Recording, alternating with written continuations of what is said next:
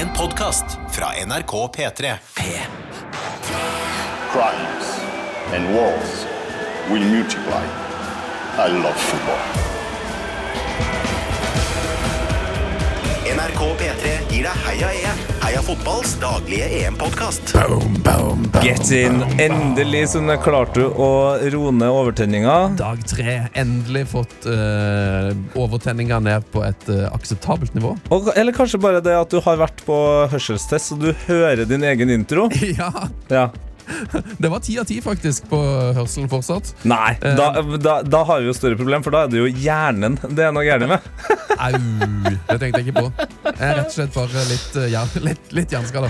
Ja, men det må være lov. Det må være lov. Ja. Eh, jeg har òg meldt inn hjertestarteren i resepsjonen nå, så den skal dukke opp i løpet av jeg håper forhåpentligvis i løpet av dagen. Fantastisk! Yes. Det var jo det vi snakka om i gårsdagens episode. Eh, det er jo på en måte en så utrolig enkel, men viktig ting vi alle kan gjøre. Har jobben en hjertestarter, sjekk om den er eh, registrert eh, på denne appen, da. Yes. Hjelp 1, eh, 13, eller? Ja, ja. 1-1-3. Det er klart det. er krem BCM. Heia EM, Heia EM! Heia fotballs daglige EM-podkast. Dagens gjest eh, er med oss. Eh, han er familien Sorte får, for han er nemlig bare en av Norges fremste sportsjournalister og VGs egen golden boy. Han spiser fransk fotball til frokost, overgangsrykte til lunsj, før han haster ut i verden for å dekke nødlandslaget og EM i fotball. Han har svart belte i både karantenehotell og Benzem, og kan fortelle oss hvorfor Kamavinga ikke er med i EM. Eh, Nesoddens Diego Costa, sportsjournalistikkens svar på Astrid S. Arild S. Berg Olsada, velkommen. Tusen hjertelig takk. Arild Arild S. Ja, det, det er jo helt Det er akkurat det du heter. Det er faktisk akkurat det jeg heter.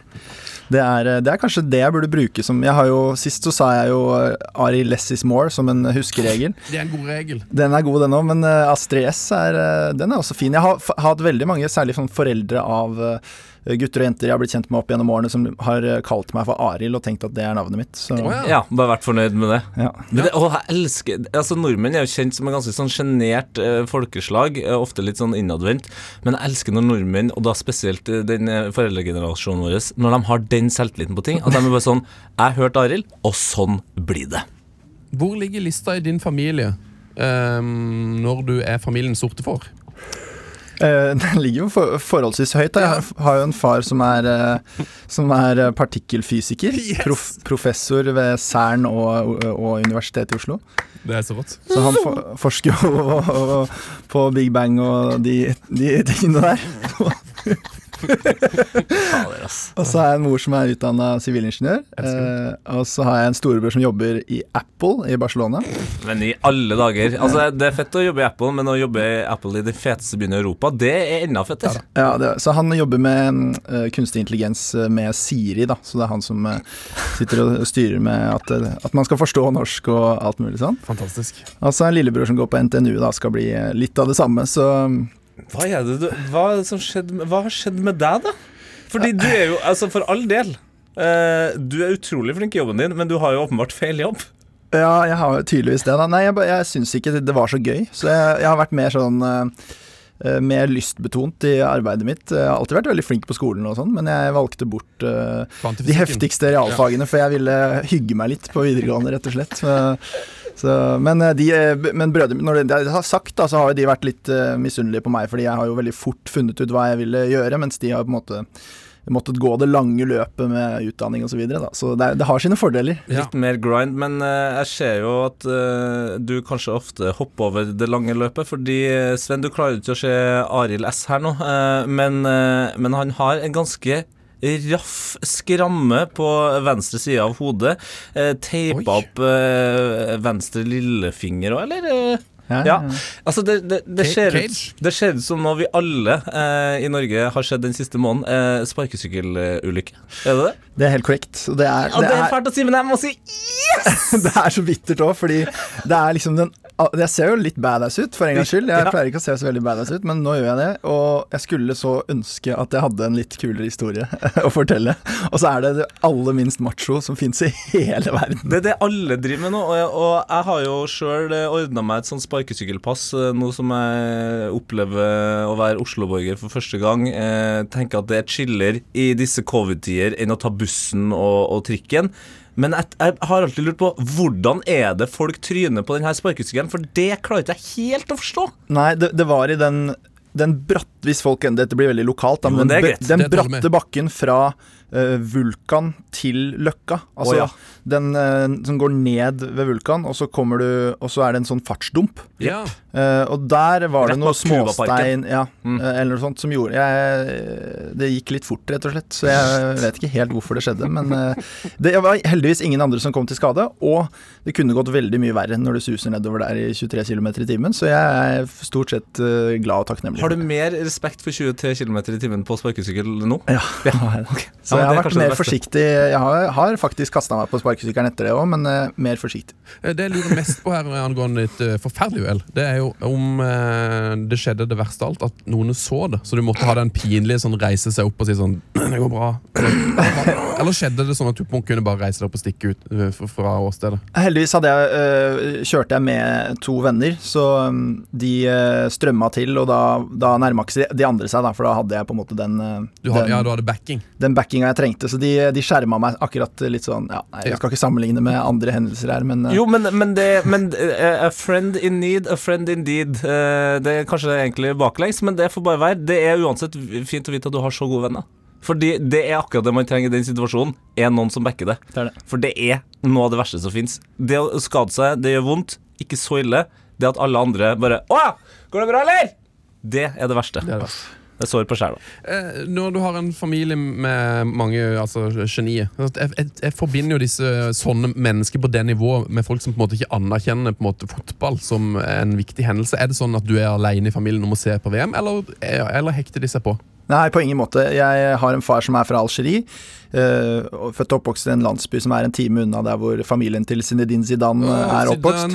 Så han er jo gud. Da er, jeg har jo fått dette gjennom faren min. Han var en meget habil fotballspiller og min trener i barndommen, så um, det er der jeg har det fra, da. eh, Sånn sett. Så det går an å være partikkelfysiker og fotballidiot samtidig. Ja, Fantastisk. Du er jo visstnok altså, ganske lik Diego Costa i spillestilen. Det stemmer. Din far òg det, eller heller er han mer Zidane, eller er en kortvokst tekniker. En helt annen spillertype. Familien sin signe? ja. Veldig. Eh, For å bli litt kjent med deg, Arildes, så tenker jeg at vi kunne spille vårt nye spill. Regner med du har hørt om det, det går gjetord om det. Eh, Regner med de fleste snakker om det i kantina på Vegasson. Ja, Vi skal spille nabo-sjef toastmaster. Du sier vårt, men det er, det Det er er Det er Det er ditt, ja. ja. Det er ditt, ja. Det, er ditt spill. Så, men hvis du som er der ute, hvis du hører på, og hvis du liker nabosjef toastmaster, gi gjerne tilbakemelding eh, på e-post fotballkrøller.nrk.no. Eh, For vi kan slutte med det hvis det er, hvis, hvis det er et dårlig spill. Sunne. Ja. det vi snakket om i stad? Du er en av de foreldrene. Ha Ja. den selvtilliten. Okay, okay. Arild heter den nå. Mm. Skjønner du spillet, Arils? Jeg skjønner det. Eh, ha- Har du plukka ut noe der? Hvem, hvem vil som, hvilken fotballspiller vil du valgt som nabo? Nabo, den var det enkleste. Og det er eh, verdens vakreste fotballspiller, N'Golo Kanté. Ja, Ja, og for en bra nabo. Alltid litt sukker på lager. Eh, Tenk deg, du kan kjøre, Han kjører deg til jobben. Det er jo ikke noe problem inni minien sin der. Han trenger ikke kjøre, sitt på ryggen hans. Altså, så Sitt på ryggen hans! Tenk deg dugnad! Ja, ja. Dugnad med kanté! Det høres ut Miljøvennlig og alt. Det er helt overlegent. Ja, det òg. Det er et kjempepoeng. Trappevasken tar han. Hvis det er noen plener som skal klippes.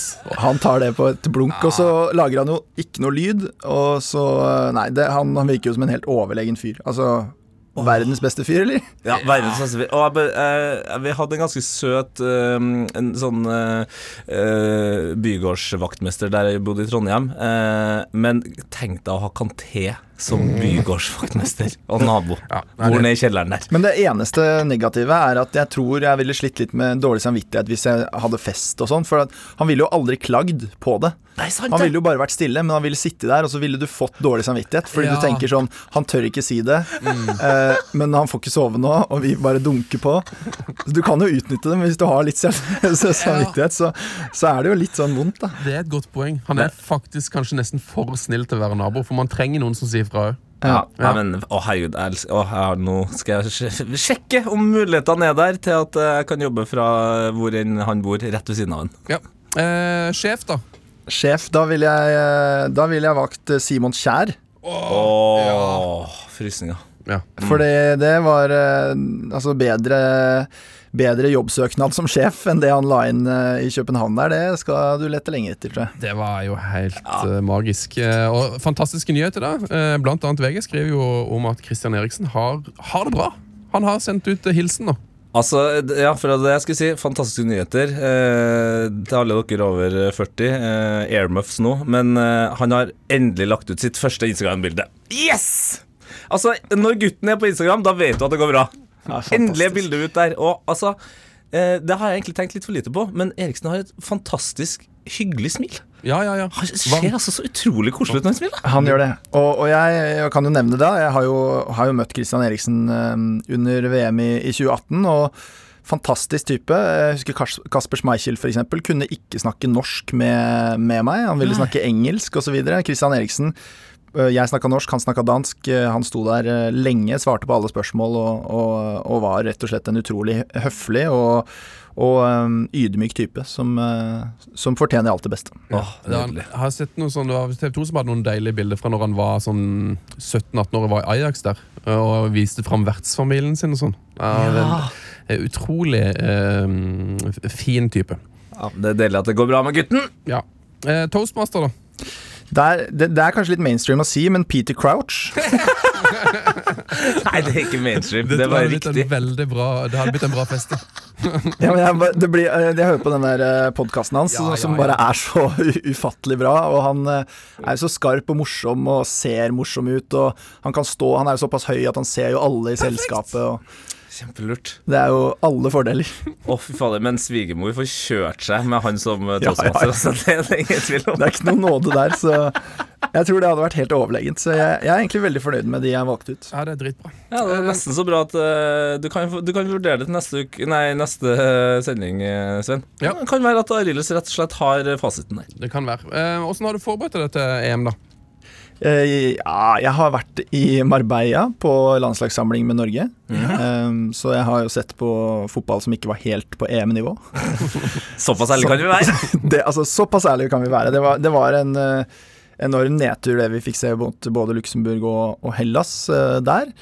Og så har jeg forberedt meg på karantenehotell. Da. Eh, det har vært mye jobb. Jeg har jo fullført et prosjekt som heter Fotballkometene, som alle gjerne må sjekke ut Det på VG. er så magisk. Eh, med, med de, den neste generasjonen med norske fotballspillere. Så det har vært veldig veldig mye jobb. da. Eh, ikke så mye soling som jeg helst eh, vil i Marbella. Men, men da jeg kom på karantenehotell, så fikk jeg senka pulsen litt og, og sett og lest meg litt opp. Og det, det er jo det deiligste med EM, og det er kanskje det jeg savner i år med EM. er den den eh, mesterskapsfølelsen du bygger opp i ukene før der, eh, mellom klubbfotballen og, og mesterskapene, når du får tre-fire treningskamper per lag og, og et par uker. Ja. Og kjøpe magasiner fysisk er veldig viktig. Eh, som- Panini!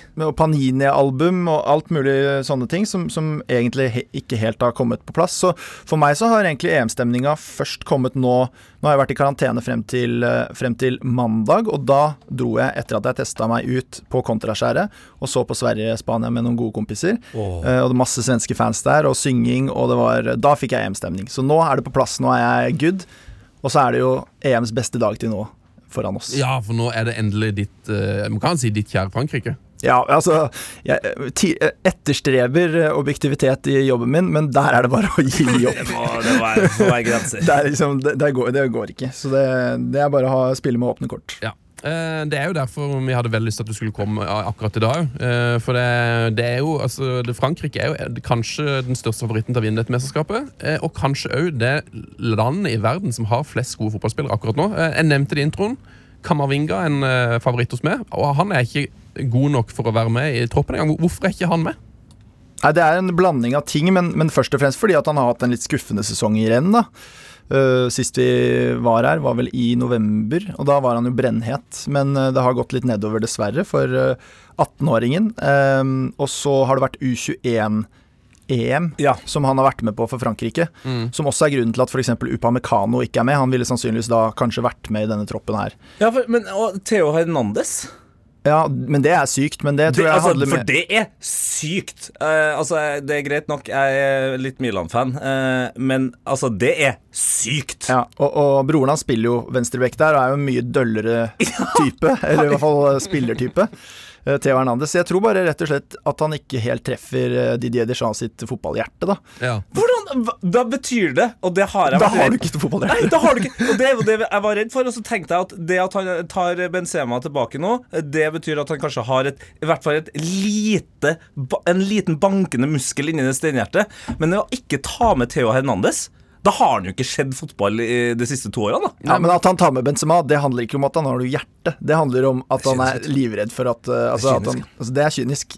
Det er 100% kynisk. Men jeg så en tråd eh, Det var kanskje i november Som handlet om at liksom der er eh, Det var, det var, sånn, var det 32 forskjellige forsvarsspillere eller noe sånt, Som de mente på en måte kunne Vært gode nok til å spille på Frankrike sitt landslag Uh, Og så Det var bra er de ga bort den ene til Spania. da tre-fire Ja, Bare, nei, vil dere ha jævla dere Men. Gjerne grav frem noen norske aner, også Upamecano eller Konaté eller de gutta der. For vi trenger faen, altså stoppere. Er liksom, det går an å dele med resten av verden, Frankrike. hvem skal spille stopper der? Og altså, Er det nesten sånn at Frankrike kunne hatt Hvis, de hadde liksom, hvis du bare satte opp et lag av de elleve som ikke er med til mesterskapet, uh, hvor langt hadde det laget kommet? Liksom? Det er noen ganske uh, utrolige fotballspillere som på en måte ikke ble med i troppen engang. Ja, og, og to av de er jo da Konaté som drar til Liverpool, Upamecano som drar til eh, Bayern München. Ja. Eh, jeg snakka med Noah Holm, den norske 20 år gamle spissen. Han eh, kom jo til RB Leipzig som 16-åring.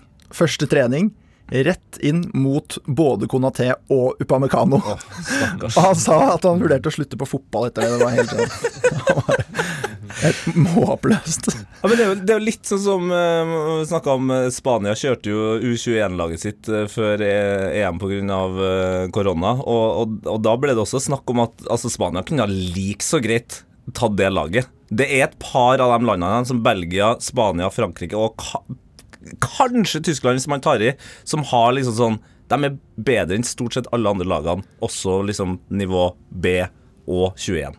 Ja, det er, det er vilt. Så Nei, de, det er vel de som skal spille, er jo Varan og Maestro Kimpembe, som jeg syns har blitt en veldig fin eh, stopper. Ja, fantastisk eh, stopper. Oh, yes. Eh, altså, han er jo Han er jo kanskje nesten bedre enn Varan nå, eller? Ja, jeg, er veldig glad i Varan, men, eh, men de er komplementære, da. Eh, Varan som den litt mer sånn eh, kloke, tilbakelente, rolige pasningsspilleren, og Kimpembe som den eh, spinnville Altså, den taklinga til Kimpembe eh, mot uh, Hvem var det mot igjen? Lill, eller noe sånt? Ja, ja, ja. ja, ja, ja, ja. Som siste mann der, hvor han kaster seg inn, og så får han eh, krampe eller strekk. Eller et, altså, det er det, et, noe av det vakreste jeg har sett på en fotballbane. Og så har uh, Kim Pembe har også den derre Han er jo ikke like kjent som Varan som en sånn pasningsstopper, egentlig. Men når den pasninga kommer, så er han sånn Så tenker du et lite sekund sånn Er du, er du helt idiot? Og så bare Å nei! Han, han skyter den pasninga, ja! Å ja, men det er perfekt pasning til Mbappé, og så er vi ferdig. Kampen er ferdig. Eh, nå, du har nevnt han allerede, Karim Benzema. Men for de, de som ikke kjenner til på en måte historikken der, kan vi bare ta, ta det fra A til Å? Hvorfor er det så rart at han er med i troppen? Nei, dette startet jo i 2015, da, hvor, da det begynte å sirkulere en sextape-video av Mathieu Valbuena og hans eh, kone. Um, og så eh, var det snakk om Eller den sirkulerte vel ikke, men det, det, det var en gjeng som truet Valbuena med å publisere denne mot at de ville ha eh, betalt. Og i den forbindelse, den gjengen da kjente, eller kjenner da Karim Benzema, som under en landslagssamling med Frankrike eh, tok opp dette med Valbuena. Så i en fransk landslagssetting så uh, medvirk, eller han var jo i hvert fall siktet for å ha medvirket til utpressing av en uh, fransk la- landslagskamerat. Ja. Uh, og, og havna jo da i retten og alt mulig sånn. Uh, og ble jo ikke dømt, da. til slutt, men havnet jo da det- ute i kulden. For det har jeg alltid lurt på. Når han tok det opp i den eh, settinga som er klønete og kjip nok i seg sjøl, tok han det opp som utpressing, eller tok han det opp som jeg har hørt om den Altså, jeg vet om denne videoen. Skulle han prøve å hjelpe han, eller skulle han prøve å presse han? Ja, det er nettopp det, og det har jo vært noen lydopptak av det som har uh, blitt uh, videreformidla, hvor han sier vel noe sånt som at uh, du vil ikke kødde med disse gutta, og litt sånne ting, da. Så det, det, det grenser jo mot at han medvirker, men uh... Ja. Ja, for ordlyden Men det skulle, ja, det- man skulle likt å høre det, for det er sånn uh, Du kødder ikke med disse guttene. Det har litt, du, kan, du kan si det på to forskjellige måter. det, er sånn, det kan være velmenn. du kødder ikke med disse guttene. Jeg kan, du kan låne penger med meg, vi fikser dette. Så Ja. er det sånn Du kødder ikke med disse guttene. De kødder du ikke med, kompis. Nei, det, ja, det, det er veldig spesielt. Og eh, altså, ka, kanskje også ut Altså, nå høres det Så jeg, jeg er jo veldig fan av Benzema. Så han er for, for all del eh, eh, altså uskyldig til det motsatte bevist. Og hvis det er bevist at han er skyldig, så skal jeg være den første til å bare Ok, da er vi ferdig med han. Men eh, det, det er litt sånn rart at han skal presse ut en lagkompis for penger. Det, det akkurat Jeg klarer ikke helt å, å se konseptet. Men det er noe som er litt vakkert med det òg, fordi Altså, dette er jo en superstjerne som har blitt multimillionær. Jeg vet ikke, Tete, jeg tror du må Har du sjekka YouTube-kanalen til Karim Benzema? Ja, ja, ja, ja, ja, ja. Altså de videoene, de der Cribs-videoene? ja, ja. Altså Det er noe av det råeste jeg har sett. Det, det bare, jeg tenkte det er perfekt for deg. Litt sånn eh, fransk afro-trap og Yes. Karim Benzema med alle merkeklærne sine og liksom den blodharde klesstilen han har, og bilene ute der. Og det er altså så bra. Jeg anbefaler alle å sjekke ut det. Men uansett, dette er jo en gutt som er tatt rett ut av banlieuen i, i, i Lyon, som fortsatt har de eh, vennene sine som, som stort sett har blitt eh, kriminelle, da, eller eh, gått helt andre veier i livet. Og det viser jo bare en litt sånn naivitet, da. Uh, Mm. Litt sånn, ok selv om han har blitt superstjerne, selv om han spiller på det franske landslaget og på Real Madrid, så, så er han fortsatt der for å måte hjelpe kompisen sin. Han er en del å- av gutta boys. Hvis, altså, sånn, hvis, du, hvis du tenker helt rasjonelt på det, så bør jo Karim Benzema bare si hva hvor mye penger har dere vil ha av Mathieu Valbena? Jeg, jeg kan fikse det, dere kan få pengene av meg isteden, og så driter vi i den jævla videoen. Ja, for det, det er derfor jeg tenker også at hva, hva om utpresseren her er utpressa? Altså at, at det er han som har Wow. havna på Wow. eh, dårlig vib med sine egne boys. Ja. We, do, we, We don't know. We don't know. Det, det vi vet er at eh, Jeg har inntrykk av at dere to elsker Benzema, eh, og er glad for at han er med i dette mesterskapet. Hvordan er liksom stemninga i fransk presse og i det, det franske folk? Eh, er det sånn at, at folk ville ha han tilbake, eller er, det, eller er det liksom her en kontroversiell avgjørelse fra Deschamps? Nei, som vanlig så er jo Frankrike ganske delt. Altså, for det første så har du jo For det, første så, de elsker jo de elsker det. for det første så har du jo en, en sånn eh, høyreekstremistisk del av Frankrike som selvfølgelig ikke er veldig fan av dette her. Um, må, jo, må jo minne om at det var jo ikke bare sextapen som gjorde at det forholdet mellom eh, Eller utpressinga, da, eller den uh, som, Ja. som gjorde at forholdet mellom Zidane, nei, Benzema og, og Deschamps surna. Det, før, jeg tror det var før VM i 2018, så gikk han ut i Marca i Spania og sa at Deschamps hadde lytt, eller, lyttet eller latt seg påvirke av en rasistisk del av Frankrike, Mm. da han øh, valgte å da ikke ta han ut i mesterskapet igjen. Eh, Og det er jo klart at det, det er ikke så lurt, da, hvis du skal prøve å jobbe deg inn i varmen. Så der har det jo skjedd en stor endring. Men, men det er en del av Frankrike som ikke syns noe om at man, eh, at man tar inn folk som har sagt at Algerie er mitt land, f.eks., eller som eh, det var jo en gang han spyttet rett etter nasjonalsangen eh, og sa at det bare var tilfeldig. Eh. Eh, Men, men han har jo havnet i noen sånne situasjoner som har hisset opp en, en del av befolkningen. Og det er jo klart, Frankrike er jo et, et splittet land sånn sett, da. Eh, når det kommer til fotballfolket, så er jo de fleste ekstatiske eh, over det her. Eh, han har jo vært eh, en av verdens aller beste spillere de siste årene i, Real Madrid, og er jo en, eh, kanskje den spilleren jeg nyter aller mest å se på, fordi han gjør han liksom Aldri et feil touch, aldri noe som helst. Alltid en lur løsning eh, osv. Så, videre. så sportlig så gir det jo all mening i verden. Um, og, så, er det klart uh, Det er på en måte litt delte meninger, men det jeg syns er interessant, da, uh, og som jeg påpekte på Twitter her om dagen, det er at alle snakker om at dette kan ødelegge i harmonien i troppen. Det var jo en av de store Ja. en av de store suksessoppskriftene til eh, Frankrike i 2018 var at de levde så godt sammen. Det var jo blant annet en episode der, eh, der brannalarmen gikk fordi de eh, eh, Adil Rami løp inn på rommet til en lagkamerat med en sånn brann, et brannslukkerapparat og spraya ned hele rommet. Og så måtte alle evakuere, og så kom Didier Deschamps, og så kom han bort til alle sammen. Og de, de var sikre på at Rami skulle bli sendt hjem, og så sa han bare sånn Gå og legg dere nå, karer. Og så var det på en måte bare samhold hele veien. Det var jo en fantastisk gjeng. Og når du putter inn liksom X-faktoren Benzema inn der, så vet du ikke helt hvordan det faller ut. Men da er det siste som skjer før EM, er jo ikke at Benzema mister huet. det er jo at eh, de to andre spissene i troppen, eh, Olivier Giroud og Kylian Mbappé, havner på kant.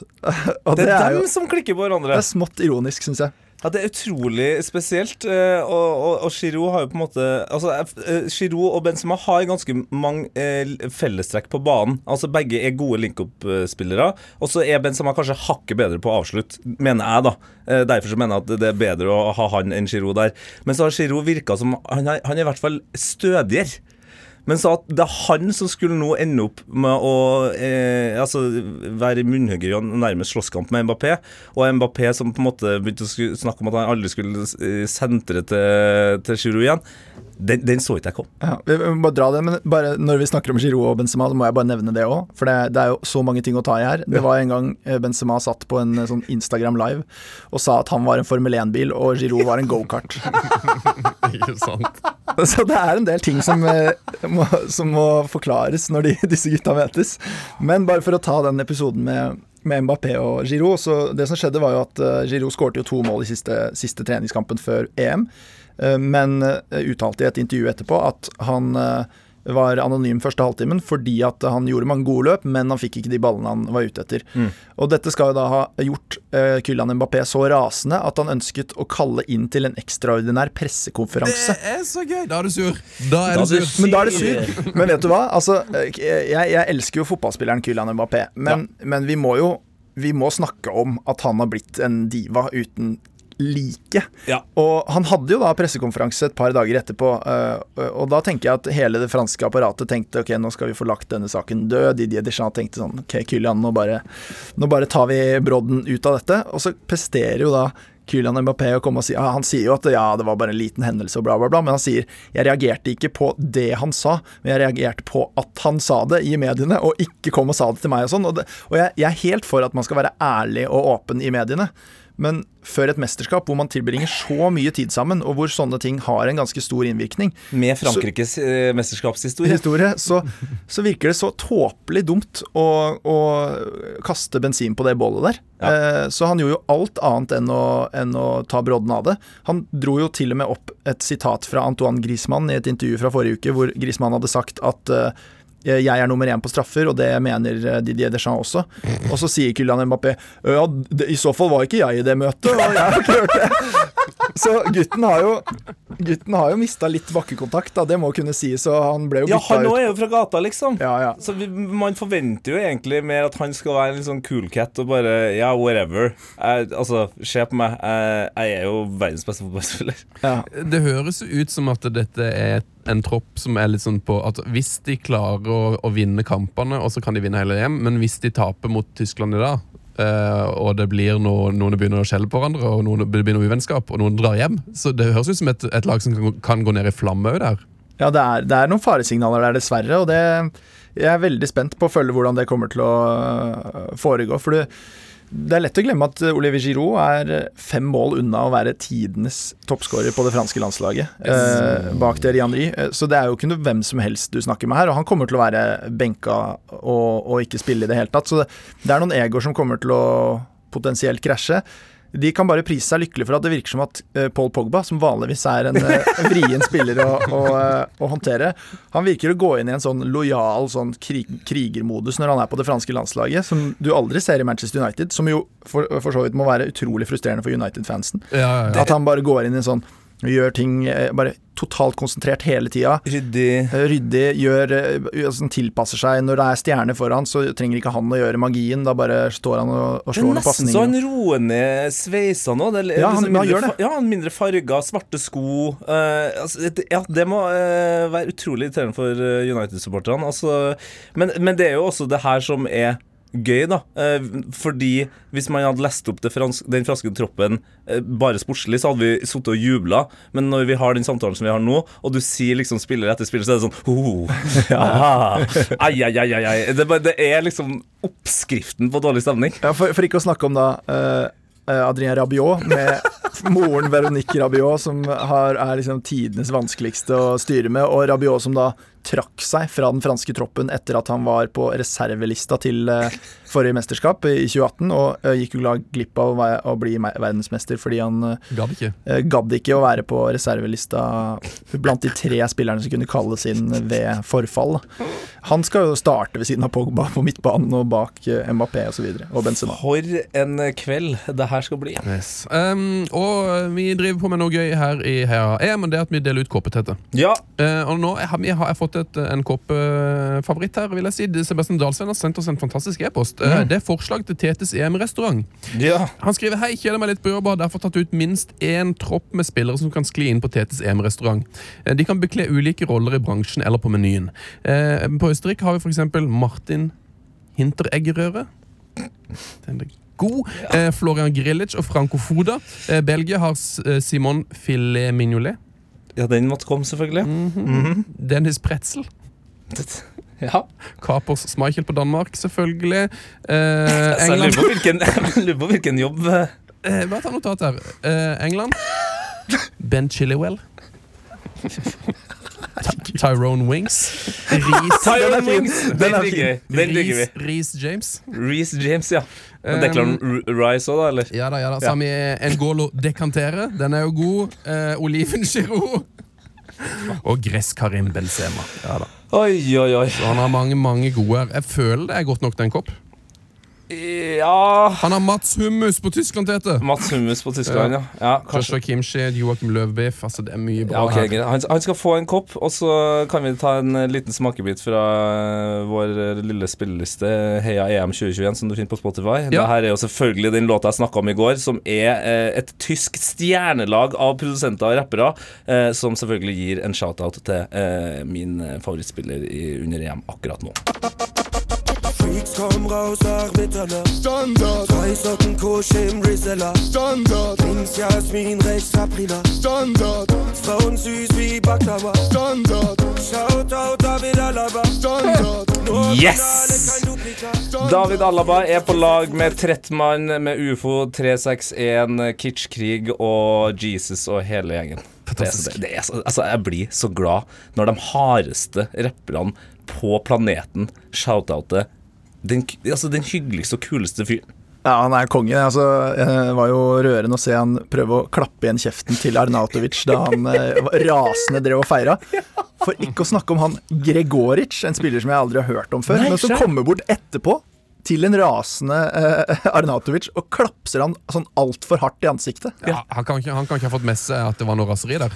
Nei, jeg, nei, det kan han Det ikke. er livsfarlig. Det er for øvrig et klipp av Olivier Giroud som gjør det samme med Kylian Mbappé i garderoben. Ikke nå, da, men det er et gammelt klipp, men det har jo blitt dratt frem nå. Ja. Med sånn altfor hardt klaps i ansiktet etter en kamp, og så ser du bare Mbappé bare stivner helt, Det var ikke noe morsomt. Og det ble ikke mørkt. Eh, vi tar gårsdagens kamp. Skottland-Tsjekkia 0-2. Jeg elsker McTominay. Veldig fin drakt til Skottland, men eh, det var ikke det som ble overskriften etter den kampen, kanskje. Nei, og det som jeg syns var morsomt, var jo at eh, til og med vi fotballentusiaster, elskere som vi er, så var vi litt sånn ah, Den eh, starten på mandagen der, den, den var vel blåmandag, eh, tenkte vi. Skottland, Tsjekkia, Polen, Slovakia. Altså, Altså, Skottland! Det var hun, Altså, det var noen som var klar for å spille mesterskap igjen. Ja, De var bare ikke så klar for å skåre mål. Nei, men det visste vi alle. Altså, at, at folk ble sjokkert over at Skottland ikke skåra, det, det syns jeg er imponerende. Men eh, Mr. Schick på, på topp der Altså, den skåringa der er bare det villeste jeg har sett. Ja, Altså, det- Hva, hva? Ja, hva var det? Hva, hva, hva var det? Fordi eh, jeg må innrømme at jeg er ikke nødvendigvis så imponert over sånn eh, rundt midtbaneskåringa. Fordi til syvende og sist, eh, til og med jeg og du, Arildes, ikke Sven, da, men vi, vi får det Vi kan stå der og gjøre det. Hei! Sven, jeg har Hei! med dine Ja, legger det og tilslaget. Det har du ikke. Nei, jeg skal være ærlig, den der hadde jeg jo aldri satt. Nei, for det som er Eh, imponerende her, er jo at han gjør jo noe han nesten ikke trenger med tanke på øh, hvor langt keeper står ut. Det er jo at han skrur den jo som et frispark. Ja. Det er jo unødvendig. Men det er så vakkert at det ikke bare er sånn deise til, men det er så plassert og flott. Ja. Nei, det- det var en syk scoring. Det er, det er noen til og med som har ment at det er tidenes E-mål. Og vi satt jo og hylla Kavani i denne podkasten for noen uker siden med at han skårte kanskje årets mål i Premier League med en lobb fra 35 meter. Og det her var jo 15 meter lenger ut. Ja, øh, men tidenes E-mål, det, det er det jo ikke. Altså, det, det, det er laga for uh, ufattelig lenge siden. Det er ingen som slår uh, van Basten. Altså, det, det, lykke til. Ja. Det var for øvrig litt van Basten over det målet til han eh, Hvem var det igjen? Ja, han som fikk det ville Altså, der er mer Liner. tid- Liner, ja. Men han fikk jo mer tidenes pasning Ja, ja, av wow. eh, Sabitzer. Altså, den pasninga til uh, Sabitzer der Åh! Den var sexy. Nei, men jeg mener Men eh, ok, skal jeg komme med noe kontroversielt? For jeg syns målet til Skikk var helt nydelig. Men jeg syns at målet til Polen er et bedre mål. Oi. Ja, altså ja vel. Ja, men så dere Det er greit at uh, Linetti sin avslutning er vel klønete, men det spillet før der Alt som skal stemme for at det der skal bli et mål, det er mye mer imponerende enn et skudd som går inn fra langt hold. Det der, det der var sånn old school, og det her kommer fra en Tottenham-fan. Det her er sånn old school Arsenal-goals. Ja, det var vakkert. Altså, det var det. Helt sinnssykt. Men jeg er, ikke, jeg er ikke enig med deg likevel. Da. Nei, Eh, nei, det er godt. Hva med Stenchis sitt mål. Det, det! Altså at, at han faktisk velger å gi Mak muligheten til å få den goalen inn. Uff, nei, det er, det, er ikke, bra- det er ikke bra. Um, Jeg liker også at Mak eh, da selvfølgelig skårer sitt første mesterskapsmål, tror han. Og, og, altså, han skriker jo som en prime eh, Filippo Insagi. Ja. Jeg lurer på når han liksom fikk beskjeden. Kompis. Det er helt sånn Helt Erik Botheim der som tok den der. Det var helt åpenbart ikke Det var så bra. Og så løp han sånn med fingeren opp i været. Botheim er konge, da. Ja, men det var så bra. For det, det er jo Det er ikke snakk om i verden at han, han, han vet at den ikke treffer han. Ja, det er deilig. Jeg har en god Botheim-historie. Jeg var så Steinkjer-Rosenborg i cupen for mange herrens år siden. Eh, og da skårte jo Botheim masse mål. Og det var liksom folkefest i Steinkjer. Jeg vet ikke, Steinkjer er vel på nivå fire eller noe sånt. Og når Botheim skårer, da, så kjører han sånn hysjing. På, Ja, ja, ja. på, på folket. Det var ganske rått. Og så sier han 'det er Botheim, det er ferdig'. ja.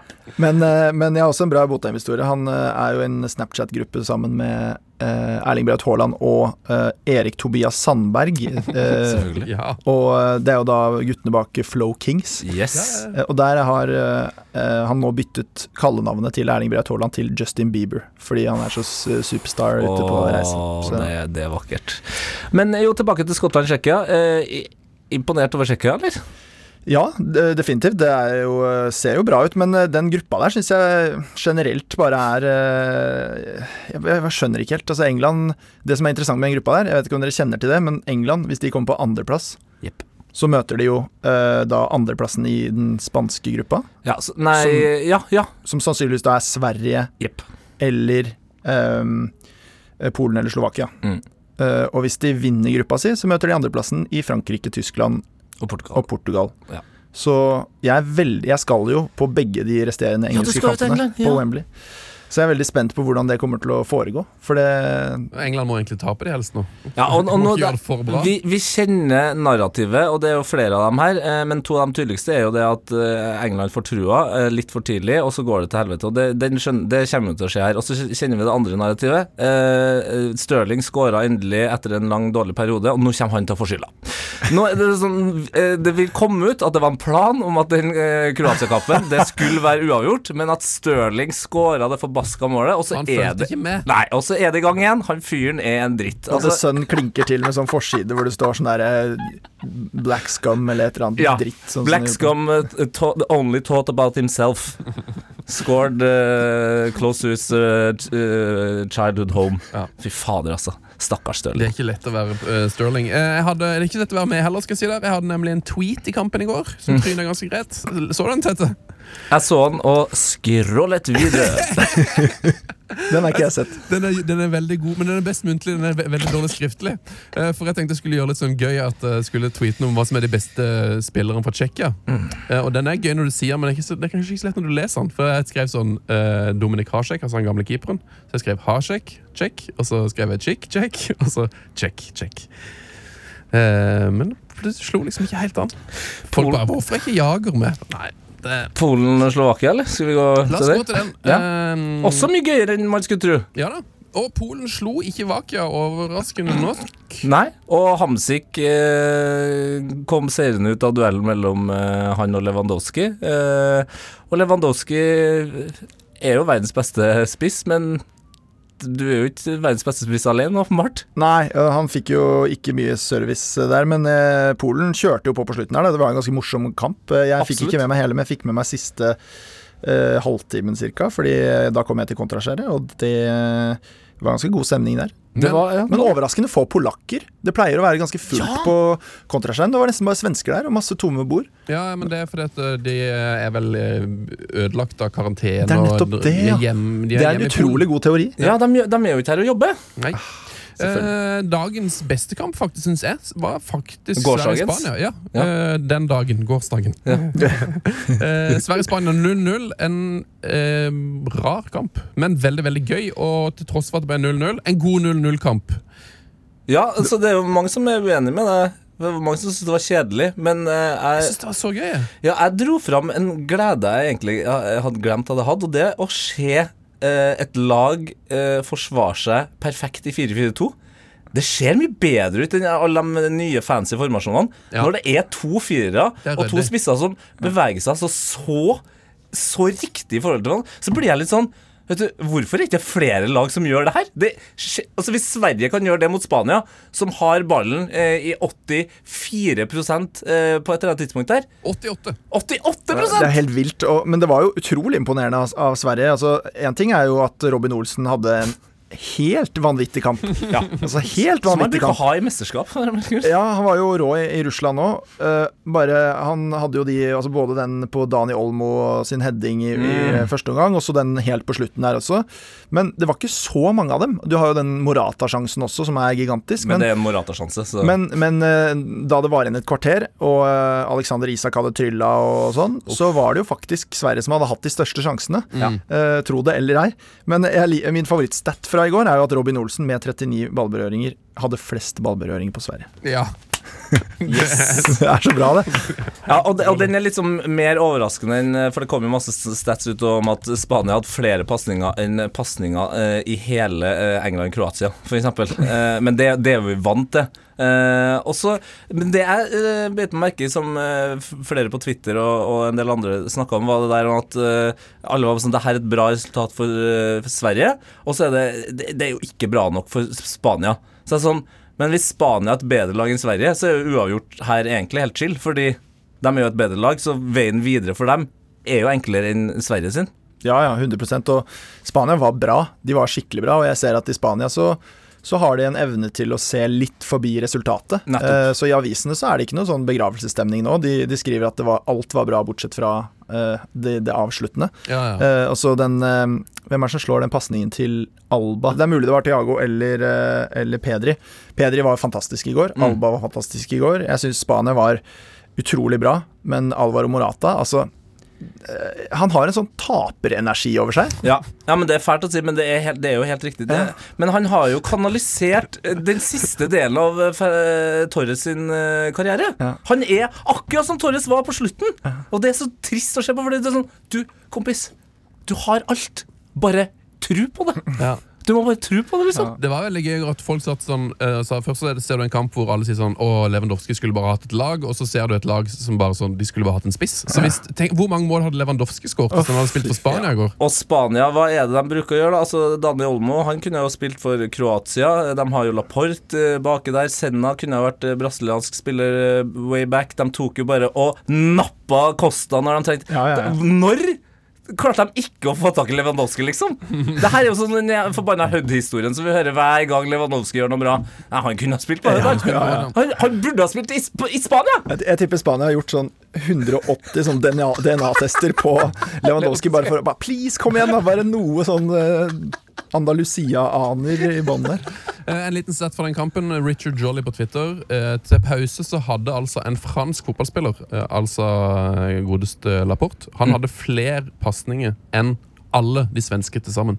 Det er nydelig. Det er jo litt kumisk. Skal vi gå til um, Dette her blir rart, men vi skal til VAR eller VAR. Er dere klare? Er dere klare? Ja, ja, ja, ja. VAR.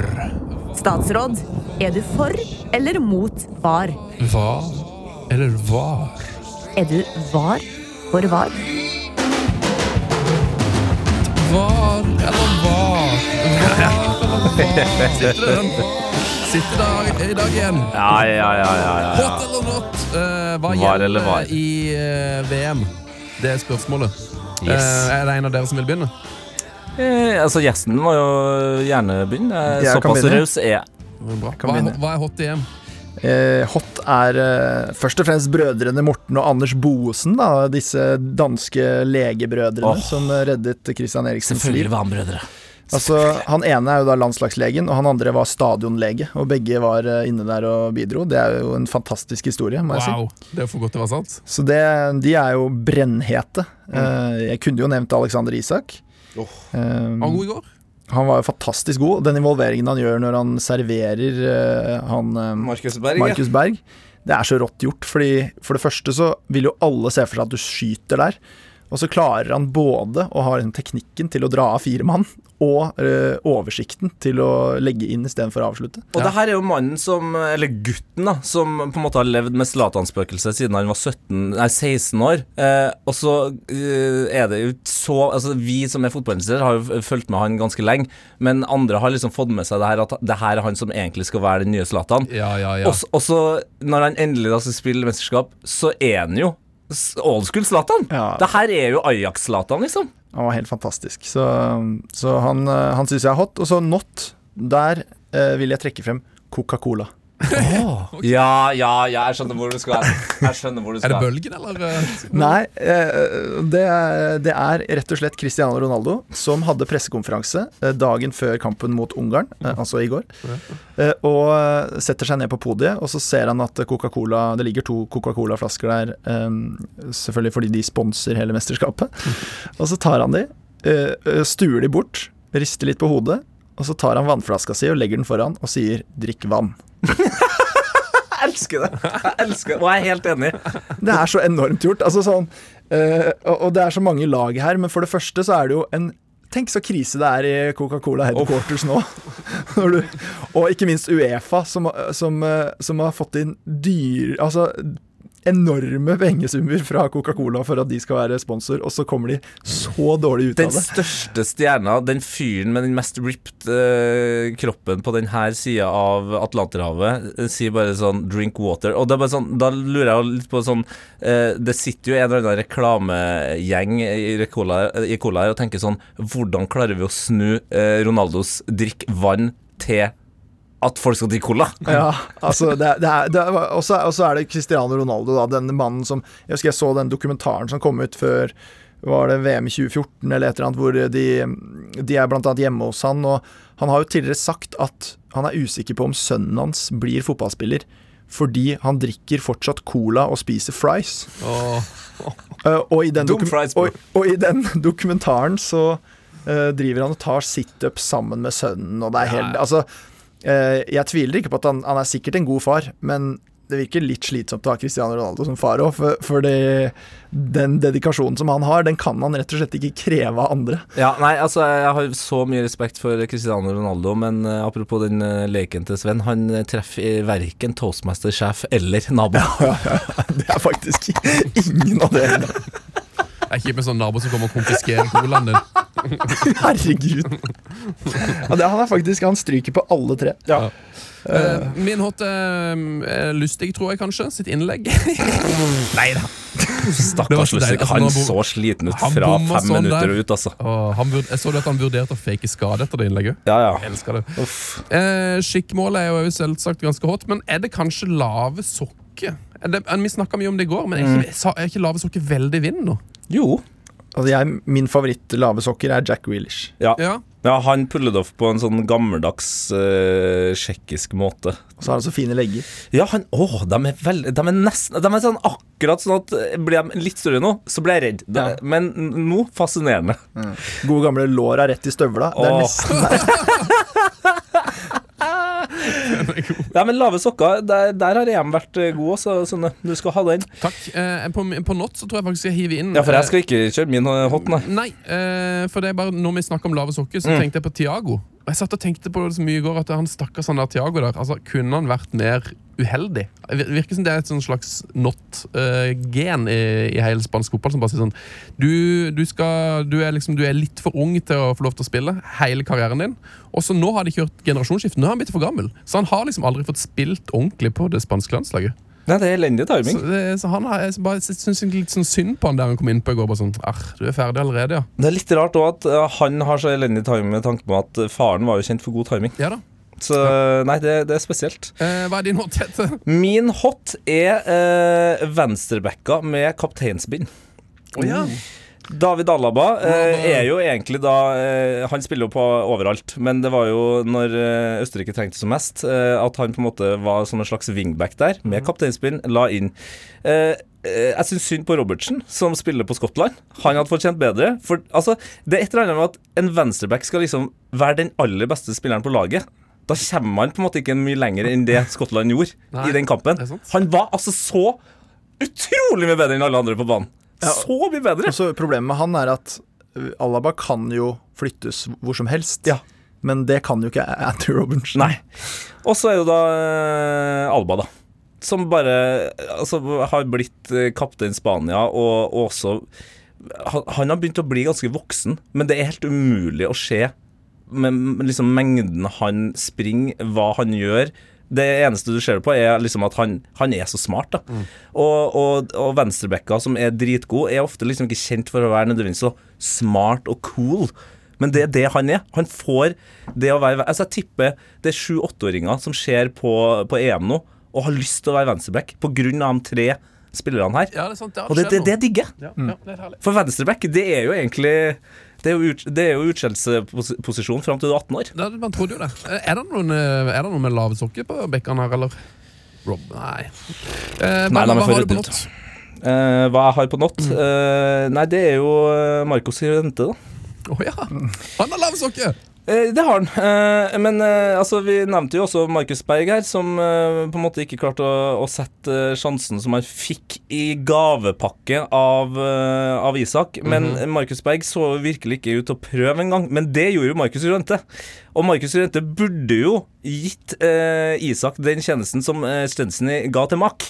Det er Ja. det jeg mener. For jeg mener, altså Når du er så nærme å skåre eh, eh, altså, skåre det sjølmålet, så lik så greit, kom igjen, det er Sverige. Dere, dere klarer Gi de den, ja. Ja, faen, jeg, jeg kjente jeg ble så forbanna, for det var, liksom- det var den første sjansen som Isak laga. Og der òg, så litt klønning i starten, men den coolnessen han har når han bare venter ut stopperen der, og keeper Åh, fy fader, altså. Markus Lorente. Elendig. Elendig Jeg Ikke involvering. at han har bytta navn til Markus Lorente. Ja, Markus, ja. Markus! Skjerp deg! Eh, vi tar en eh, brev fra Yri Helen Jonsdal. Kanskje du skal få en kopp, eller? Mm, ja. Vi kan høre. Eh, Du får se. I, hallo, jeg vil bare si at Den mest effektive metoden for å få eh, sin signifikante andre mer interessert i fotball på Ref episode 1, er å få dem til å spille fantasy. Jeg var lite interessert i fotball før, før men min samboer fikk meg med på å spille FBL. Jeg har vært eh, interessert i Premier League etter det. Eh, så det, det er et bra tips å spille fantasy. Det tar oss jo over til dagens siste spalte. Ja. Spiller du, eller, Rilles?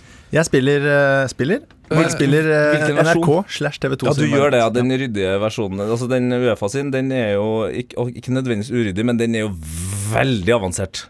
Det, det, det, da må du være på jobb hele tida. Uh, men ja, den ryddige, hvordan har det gått uh, så langt? Uh, vet du det? Det har ikke gått så veldig bra. Eh, nå glemte jeg å sjekke i forkant her, men jeg hadde i hvert fall Lukaku, men ikke som kaptein. Det hadde jeg.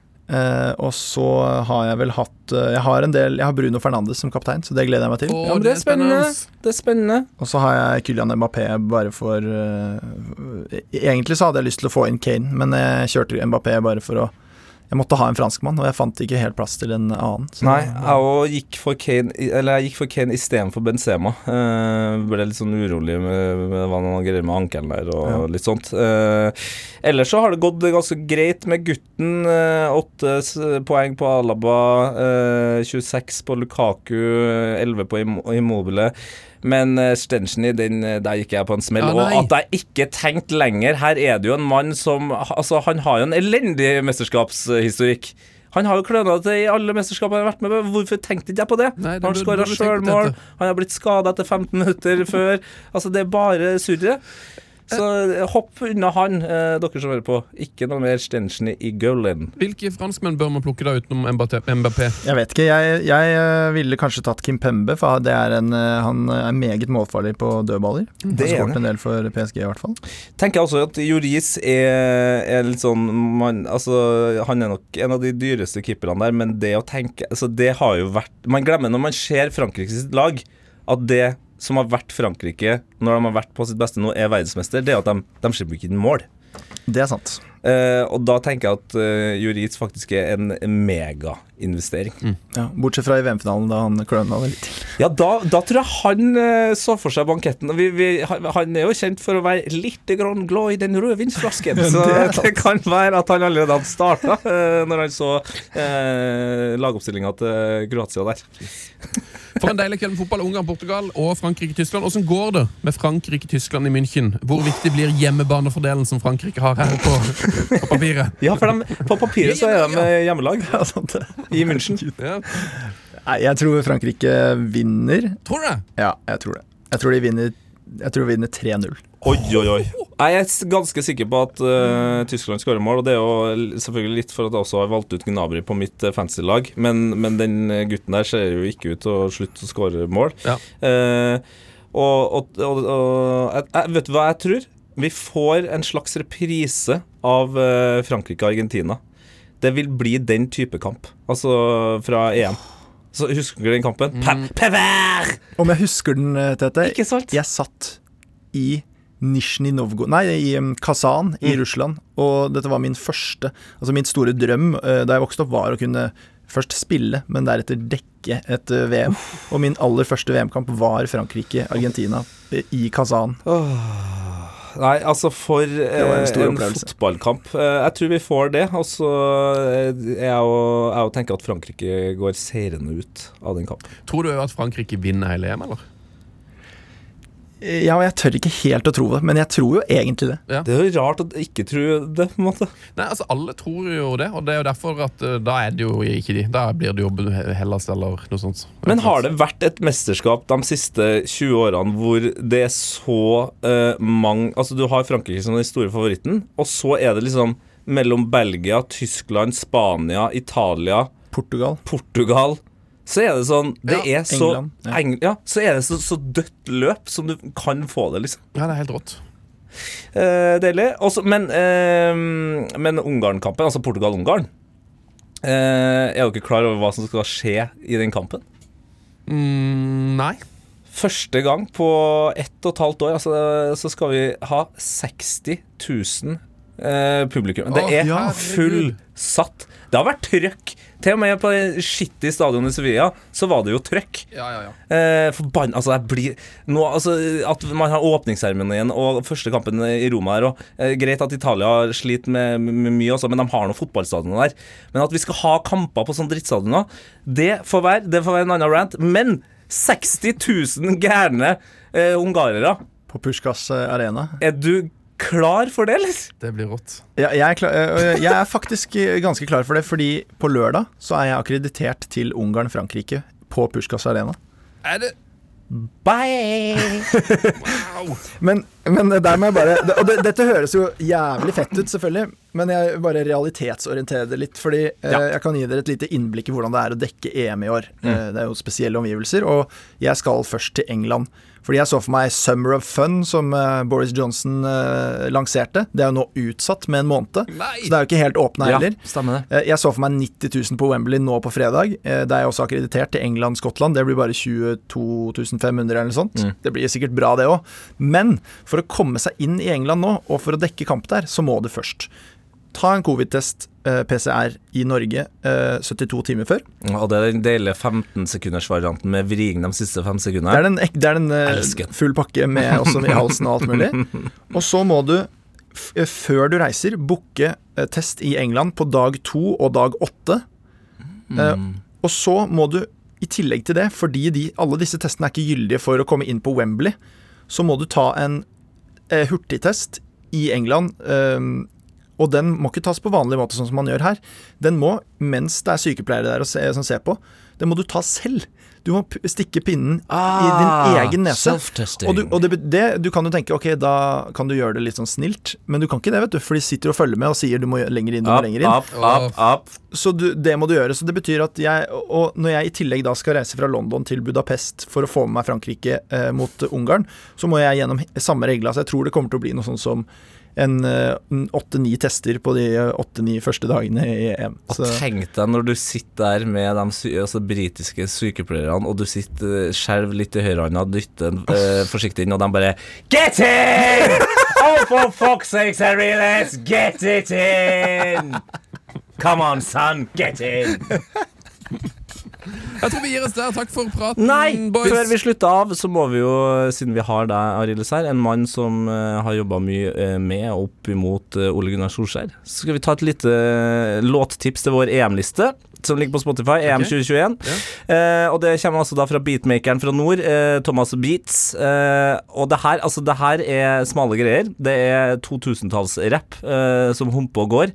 Men den her type fotballreferanse den tror ikke jeg noen av oss eh, egentlig er klar for. Wow! Altså, altså vi kjører den ja.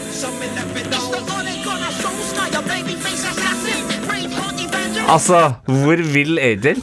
det er jo helt vilt. Herregud, fantastisk. Jeg er blitt veldig vant til å høre sånne britiske uh, eh, rappsanger nå for tiden, hvor de uh, eh, har referanser til alt mulig. Eh, som Hector Beyerin er den siste jeg husker fra den sangen til A1 and J1, som heter eh, Latest Trends. Ikke sant, Beyerin dukker dukker opp der. Altså, Alle de store eh, rapperne, det er nesten som et slags krav. Du har ikke et bra vers før du har name-droppa en fet fotballspiller, liksom. Men Ole Gunnar Skolsker, The Babyface Assassin, Det den er ryddig, ass. Gunshots International Rescue. Sabla. Nei, det, det føler jeg var noe eh, ordentlig måtte avslutte en uh, Heia M-episode Det var nydelig. Fuck off! Fuck off! Heia EM fra NRK P3. Tre